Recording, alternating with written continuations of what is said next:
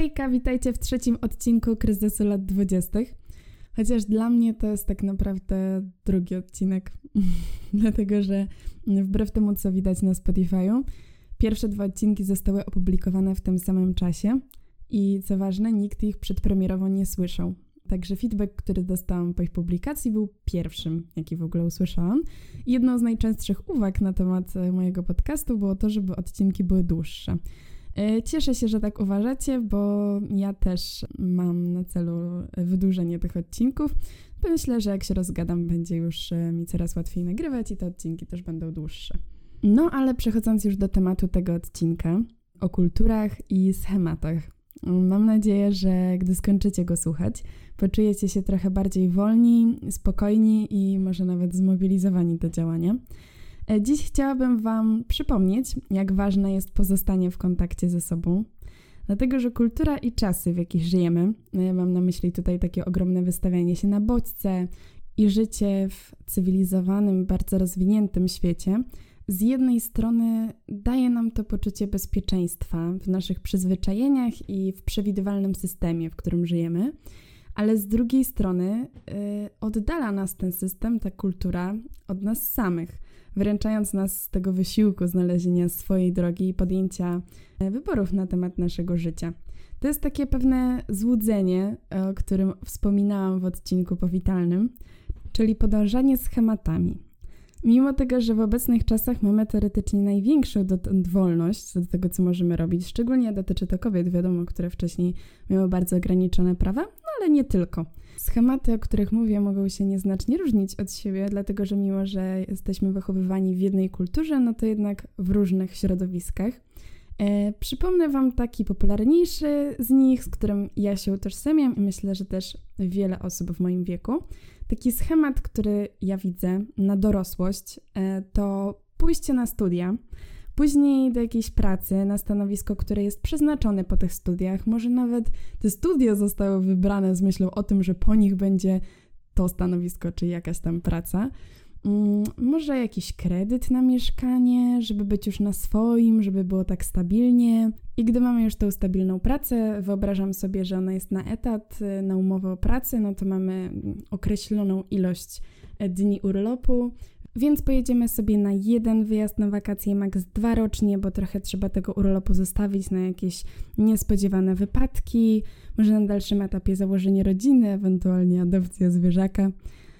Jeju, mam wrażenie, że tyle osób żyje takim stylem życia mm, kompletnie bezrefleksyjnie, bez próbowania i szukania rzeczy, które bardziej by do nich pasowały, które bardziej by ich spełniały, yy, bardziej po prostu by dla nich działały. Yy, I oczywiście taki styl życia, o ile świadomie wybrany, może być super, ale jeżeli jedziemy na autopilocie, na którym naprawdę nie trudno lecieć i powiedziałabym nawet, że autopilot to jest taka opcja domyślna, z której musimy się wypisać, mm, no to tutaj robi się trochę gorzej wtedy. I w takim miejscu stoją teraz młodzi ludzie, bez doświadczenia, a postawieni przed tymi wszystkimi decyzjami. W trochę większej skali to właśnie reprezentuje okładka tego podcastu. Taką jednostkę stojącą na środku tego całego bałaganu, tego świata składającego się w skali makro z różnych kultur, systemów, struktur, w których funkcjonują bardzo różni ludzie o różnych motywacjach, poglądach, wychowywani w różnych środowiskach i każda z tych osób musi znaleźć swoją ścieżkę. A propos innych kultur i szukania swojej drogi, bardzo ciekawą historią do prześledzenia jest e, przypadek Stefani, czyli kobiety z zachodniej kultury, z zachodniego świata, która poślubiła Masaja i zamieszkała z nim w jego wiosce. Materiałów o niej jest e, sporo na YouTubie, ale ja mogę z czystym sumieniem polecić ten na kanale Globe Story. O ile go nie widzieliście oczywiście, bo poszedł w bardzo duży viral. No i dlaczego wzbudza też takie emocje ta historia Stefani? No myślę, że przede wszystkim dlatego, że kobieta z zachodniego i to tak rozwiniętego państwa jak Niemcy, bo Stefani jest Niemką, e, co więcej wcześniej mieszkającą we Frankfurcie, czyli no, bardzo dużym mieście, tak drastycznie zmienia otoczenie. Dla niektórych pewnie nawet cofa się w rozwoju. Tutaj oczywiście robię cudzysłów w powietrzu. I z materiałów publikowanych na jej temat można wyciągnąć wniosek, że Stefanii bardzo dobrze się tam żyje, Bardzo dobrze ona sobie tam radzi. Wychowuje dziecko ze swoim mężem, e, żyje w tej kulturze, dogaduje się też e, dobrze z miejscowymi, swoją nową rodziną, mówi w ich języku. A mimo tego jej kultura, czyli też nasza kultura, uznaje jej decyzję za egzotyczną i dość ryzykowną. Zresztą sama Stefani w materiale Globstory, zapytana o głupie komentarze, opowiada o tym, że no niestety ludzie czasami wyrażają się bez szacunku o Masajach. Na przykład pytają ją, czy oni w ogóle się myją, czy nie przeszkadza jej, że chodzą brudni. Na co Stefania odpowiada, że no kogo w ogóle to obchodzi, że pewnie gdyby mieli e, prysznic i dostęp do bieżącej wody, tak jak e, zachodnie społeczeństwa, e, no to pewnie myliby się codziennie. Ale w tamtych rejonach woda po prostu jest luksusem i te kwestie zupełnie inaczej się postrzega. Z drugiej strony Stefani słyszy komentarze zmierzające w przeciwnym kierunku, czyli na przykład fetyszyzujące jej sytuację. Opowiadała o tym, że jakaś kobieta powiedziała jej, że też by chciała poślubić Masaja. Czy Stefani nie mogłaby jej pomóc, poznać jej z kimś? Na co nasza bohaterka w materiale tylko wzdycha i, i wzrusza ramionami. I myślę, że te komentarze to kwestia postrzegania odmiennej kultury przez pryzmat e, swojej niestety. Ale wiecie, kto tego nie robi? Stefani. Opowiada, y, że stara się znaleźć balans w tym wszystkim. Oczywiście nie byłaby szczęśliwa, gdyby przeniosła się tam tylko ze względu na swojego męża i jak sama mówi, po prostu zakochała się w tamtej kulturze. Przebywając tam, nie zmusza nikogo do przyjęcia swoich zwyczajów, ale równocześnie nie wyrzeka się y, ich w zupełności. Na przykład w kulturze Masajów kobiety są niżej niż mężczyźni, nie mają na przykład wyboru co do tego, kogo poślubią. No i Stefani tworzy w związku z tym różne projekty na miejscu wspierające kobiety. Rozmawia z nimi, zachęca, żeby mówiły o tym, co czują, e, wyrażały, jeżeli coś im się nie podoba. Mm, w kwestii okresu też im pomogła. Rozprzestrzeniła wielorazowe wkładki, e, co polepszyło sytuację kobiet, szczególnie, że tam no, ponieważ nie zawsze jest dostęp do wody, no to zorganizowała coś takiego, że tych wkładek nosi się kilka, wystarczają na cały okres, później można je przy okazji, jeżeli taka okazja jest, wyprać je i mieć je na następny raz. Podobnie to wygląda, jeżeli chodzi o balans w małżeństwie Stefanii. Ta relacja z jej mężem opiera się na szacunku i miłości, w związku z czym oboje nie zmuszają się nawzajem do rzeczy, których nie chcą, ale ponieważ się kochają i chcą być razem, to z własnej inicjatywy wiele rzeczy robią, żeby spotkać się w pewnym momencie drogi. Takim przykładem jest kwestia dziecka. Stefanii i jej męża. Na przykład po jego urodzeniu mąż Stefanii zachował się jak typowy Masaj, czyli po prostu zniknął, nie, nie zajmował się tym dzieckiem od razu po narodzinach i Stefanii oczywiście było bardzo trudno, ale rozumiała to. Z kolei mąż Stefanii jest bardzo blisko z ich dzieckiem teraz, co z drugiej strony w ogóle nie jest typowe dla Masajów i to jest coś, co robi jej mąż dla niej. No i mm, tak to wygląda w wielu innych kwestiach. Stefani pokazuje w ten sposób, że można pochodzić z jednego kręgu kulturowego i czuć się dobrze w innym. To jest e, jeden z przykładów, oczywiście dość radykalnie, ale pokazujący znalezienie swojego miejsca pomimo przyzwyczajeń i przekonań panujących w tym przypadku w zachodniej kulturze. O czym pięknie mówi sama Stefani, e, kiedy została zapytana przez Kaję, czyli prowadzącą ten dokument na Globstory, czy jest jej żal Masajów w jakikolwiek sposób. E, Stefani zaśmiała się i powiedziała, że absolutnie nie, e, że oni według niej są lepsi niż my. Dlatego, że zostają w zgodzie ze sobą, żyją w zgodzie z naturą, mają według niej wszystko, co w życiu jest potrzebne, mają bardzo dużo ziemi, co też jest ciekawą obserwacją, jak bardzo musimy się my natrudzić, żeby na własność mieć kawałek ziemi czy kawałek mieszkania.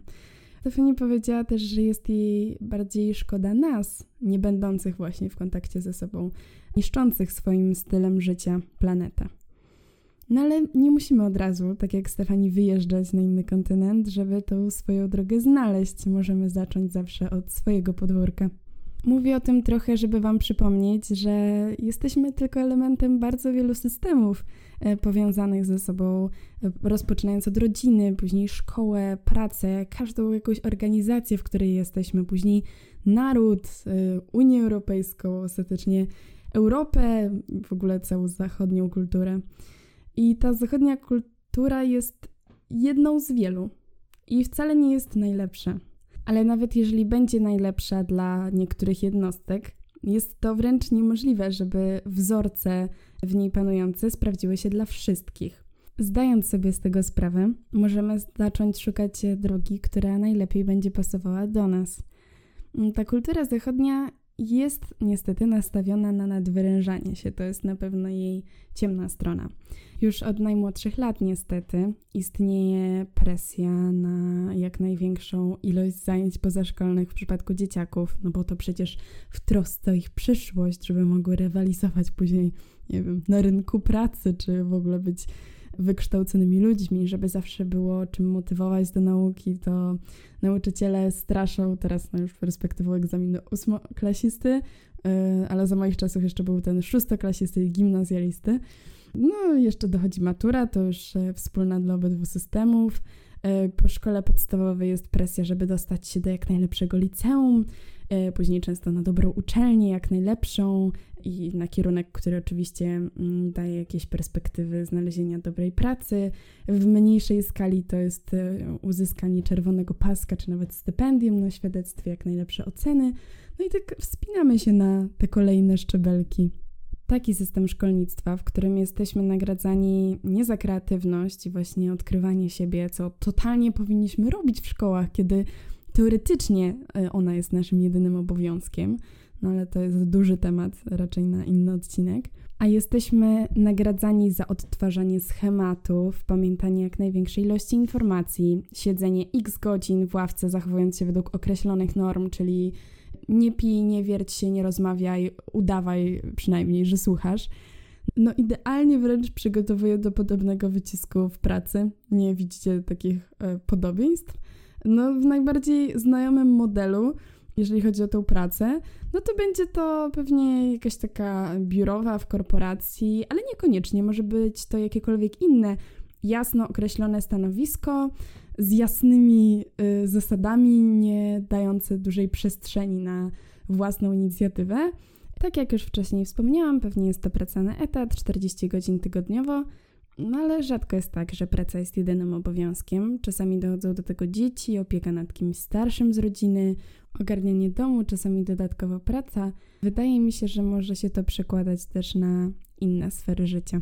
Może dlatego tak trudno nam jest odpuścić i zdecydować się na inną drogę.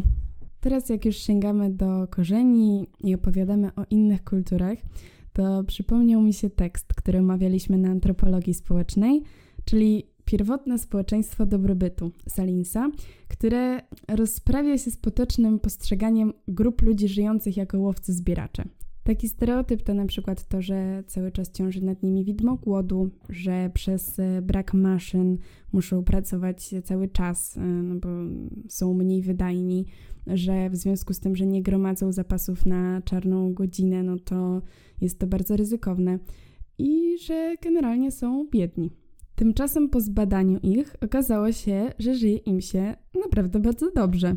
E, łowcy zbieracze przemieszczają się, więc są tam, gdzie pożywienie po prostu jest, także nie brakuje im go. Okazuje się, że tego pożywienia jest e, naprawdę pod dostatkiem. Pozyskiwanie go też wcale nie jest tak pracochłonne. Według tekstu zbieracze pracują tylko po 6 godzin dziennie i uwaga, tylko od 2 do 3 dni w tygodniu. Czyli to tak, jakbyśmy my pracowali tylko w weekendy i to nawet nie 8 godzin, jakby patrzeć takim standardowym trybem, e, powiedzmy etatowym. Ci ludzie mogliby pracować więcej, ale cenią swój wolny czas i świadomie odrzucają korzyści płynące z ciężkiej pracy. E, zwierzyna natomiast czasami jest nawet niedojadana, marnowana, dlatego że łowcy nie czują się zagrożeni głodem, no nie będą przecież zapychać się na siłę. E, czasami dochodzi do odwrotnego zjawiska, czyli na przykład jedzą daną zdobycz aż do zjedzenia jej w całości, nie mając żadnej innej w zanadrzu. bez zapasów z łatwością się poruszają, a w związku z niewielkimi potrzebami, e, no, bardzo łatwo je spełnić i dlatego mają takie poczucie życia w dobrobycie. W czasie, kiedy te plemiona nie pracują, zajmują się głównie ucztowaniem i odpoczywaniem. Nie są zainteresowani też budowaniem statusu za pomocą posiadania przedmiotów. E, są one dla tych plemion po prostu nieinteresujące. No i oczywiście taki system też ma swoje wady. Zmusza tych ludzi jednak do tej mobilności, dlatego że mm, w pewnym momencie zasoby się wyczerpują. Taki system sprawdza się tylko w mniejszych grupach. No i w tekście została też niestety wymieniona praktyka zabijania bardzo słabych, którzy w trakcie przemieszczania się spowolnialiby grupę. E, jednak całkiem ciekawe jest to, jak dużo my potrzebujemy do osiągnięcia tego poczucia dobrobytu, a jak mało takie społeczeństwa. No i oczywiście aż dudni w uszach pytanie, czy naprawdę aż tyle potrzebujemy. Niestety nie jesteśmy w stanie zmienić naszego systemu, a nawet jeżeli zmieni się on za naszego życia w jakiś bardziej istotny sposób, no to i tak nigdy nie będzie idealny i historia najlepiej to pokazuje. Mamy jednak wpływ na swoje wybory i takie bardziej życiowe, ale też te związane z czasem wolnym, odpoczynkiem, czy na przykład ludźmi, którymi się otaczamy.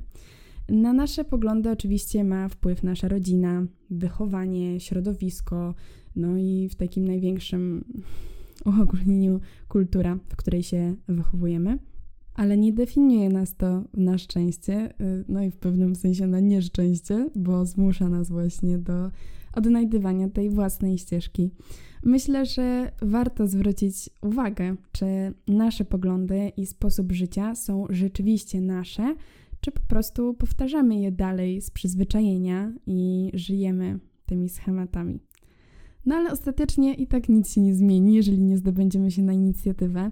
Możemy zacząć nawet małymi kroczkami, angażując się w rzeczy, które sprawiają nam przyjemność, angażując się w różne projekty, nawet jeżeli na początku nie prowadzą do niczego, w cudzysłowie oczywiście, albo nie ma z tego pieniędzy, albo jakieś inne teksty, które myślę, że możemy usłyszeć w naszej kulturze. Warto podejść do tego wszystkiego z otwartą głową, nie dać się ograniczać tym schematom. No i jeżeli myślicie o tym, żeby czegoś spróbować, ale boicie się, no to super. To znaczy, że jest co przełamywać. To znaczy, że możliwe, że któryś z takich projektów doprowadzi Was do czegoś więcej. Na pewno do poznania siebie, a może nawet znalezienia drogi na swój sposób na życie. Nawet to, że mówię do Was teraz, jest takim przykładem mojego małego kroku w stronę poznawania siebie. Dlatego, że od zawsze wiedziałam, że moim atutem jest e, ładny głos, że lubię opowiadać i rozmawiać z ludźmi. No i stwierdziłam, że chciałabym to rozwinąć, i tak poniekąd przyszedł mi do głowy pomysł na ten podcast. Ale oczywiście za tymi odcinkami, które słuchacie sobie pewnie jadąc autobusem, gotując, e, idąc na spacer, czy może leżąc wygodnie w łóżeczku, stoi podjęcie i wytrwanie w tej decyzji założenia podcastu. Szczególnie, że nie wiedziałam nic na ten temat. E, najpierw zaczęłam pytać ludzi, potem szukać coś w internecie. No i zaczął mi się składać w głowie obraz. Musiałam zrobić e, research, ogarnąć platformę hostingową, mikrofon, program do nagrywania, wymyślić okładkę, znaleźć kogoś, kto ją wykona. E, to samo z tytułem, no i milion innych rzeczy. Ale oczywiście najcięższe było przełamanie się psychicznie. E, ale nie żałuję. To był strzał w dziesiątkę, dlatego że no, widzę w tym sens i sprawia mi to mega frajdę, mimo tego, że miałam też bardzo dużo obaw na początku. No i też spotkałam się z różnymi poglądami na ten temat. Uzyskałam z jednej strony mega wsparcie od moich przyjaciół i też dalszych znajomych, e, którzy służyli mi radą i poświęcili mi swój czas.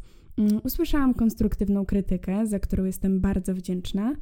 No ale usłyszałam też słowa że nikt nie będzie tego słuchał, że kryzys lat dwudziestych to wszyscy pomyślą, że chodzi o ten z XX wieku i nikt w to nie kliknie, że nie znajdę uniwersalnej okładki, dlatego że chcę mówić o tak różnych tematach, że powinnam nagrywać w ogóle filmy, a nie podcast, bo nikt nie będzie tego słuchał i tak dalej. I teraz oczywiście nie wydaje mi się to istotne na tym etapie, kiedy już ten podcast powstał, ale w momencie, kiedy to jeszcze było, nie wiem, szkicowane w mojej głowie, jeszcze nie stworzone, Kurczę, mogło to naprawdę zaważyć, ale na szczęście tak się nie stało. I kurczę, nieważne, czy robicie podcast, przeprowadzacie się, zaczynacie karierę muzyczną, czy nie wiem, stwierdzacie, że zakładacie hodowlę tarantul.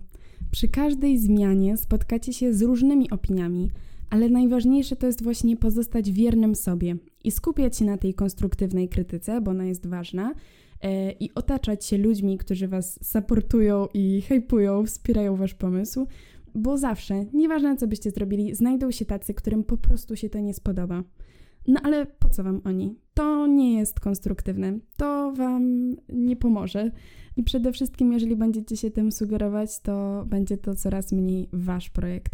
No i to też jest wasz wybór, yy, nierozmawianie z takimi ludźmi, albo przynajmniej nierozmawianie z nimi na temat waszej rzeczy.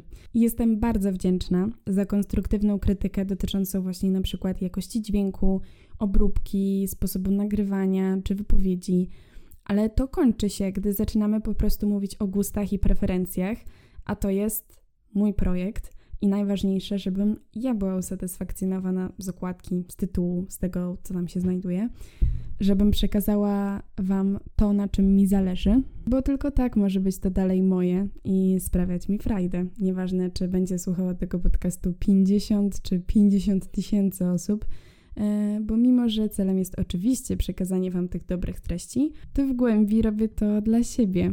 No i tego nam wszystkim życzę, takiego zdrowego egoizmu i otwartego umysłu. E, wow, e, wplotłam tu więcej informacji z moich studiów niż planowałam, ale no cóż, taki odcinek. No i śmiesznie, bo już teraz widzę, że to będzie dwa razy dłuższy odcinek niż ten poprzedni. No i teraz e, na koniec kilka ogłoszeń parafialnych. W przyszłym tygodniu pojawi się odcinek na temat konkretnego zagadnienia, czyli w stylu tego odcinka o prawie jazdy. 11 lub 12 odcinek będzie z wyjątkową gościnią, i od tego czasu co kilka części, czyli mniej więcej co miesiąc y, taki gość czy gościnia będą się pojawiali. Kryzys lat 20. możecie znaleźć teraz już na Apple Podcast. Woo! No i jeżeli będzie się coś zmieniać, to będę Was informować. I jeżeli chcecie się podzielić ze mną spostrzeżeniami, możecie pisać na maila lub na Insta, y, które znajdziecie w opisie tego podcastu. Jeżeli podoba Wam się mój content, no to zachęcam do zostawienia obserwacji, żeby być na bieżąco. I do usłyszenia.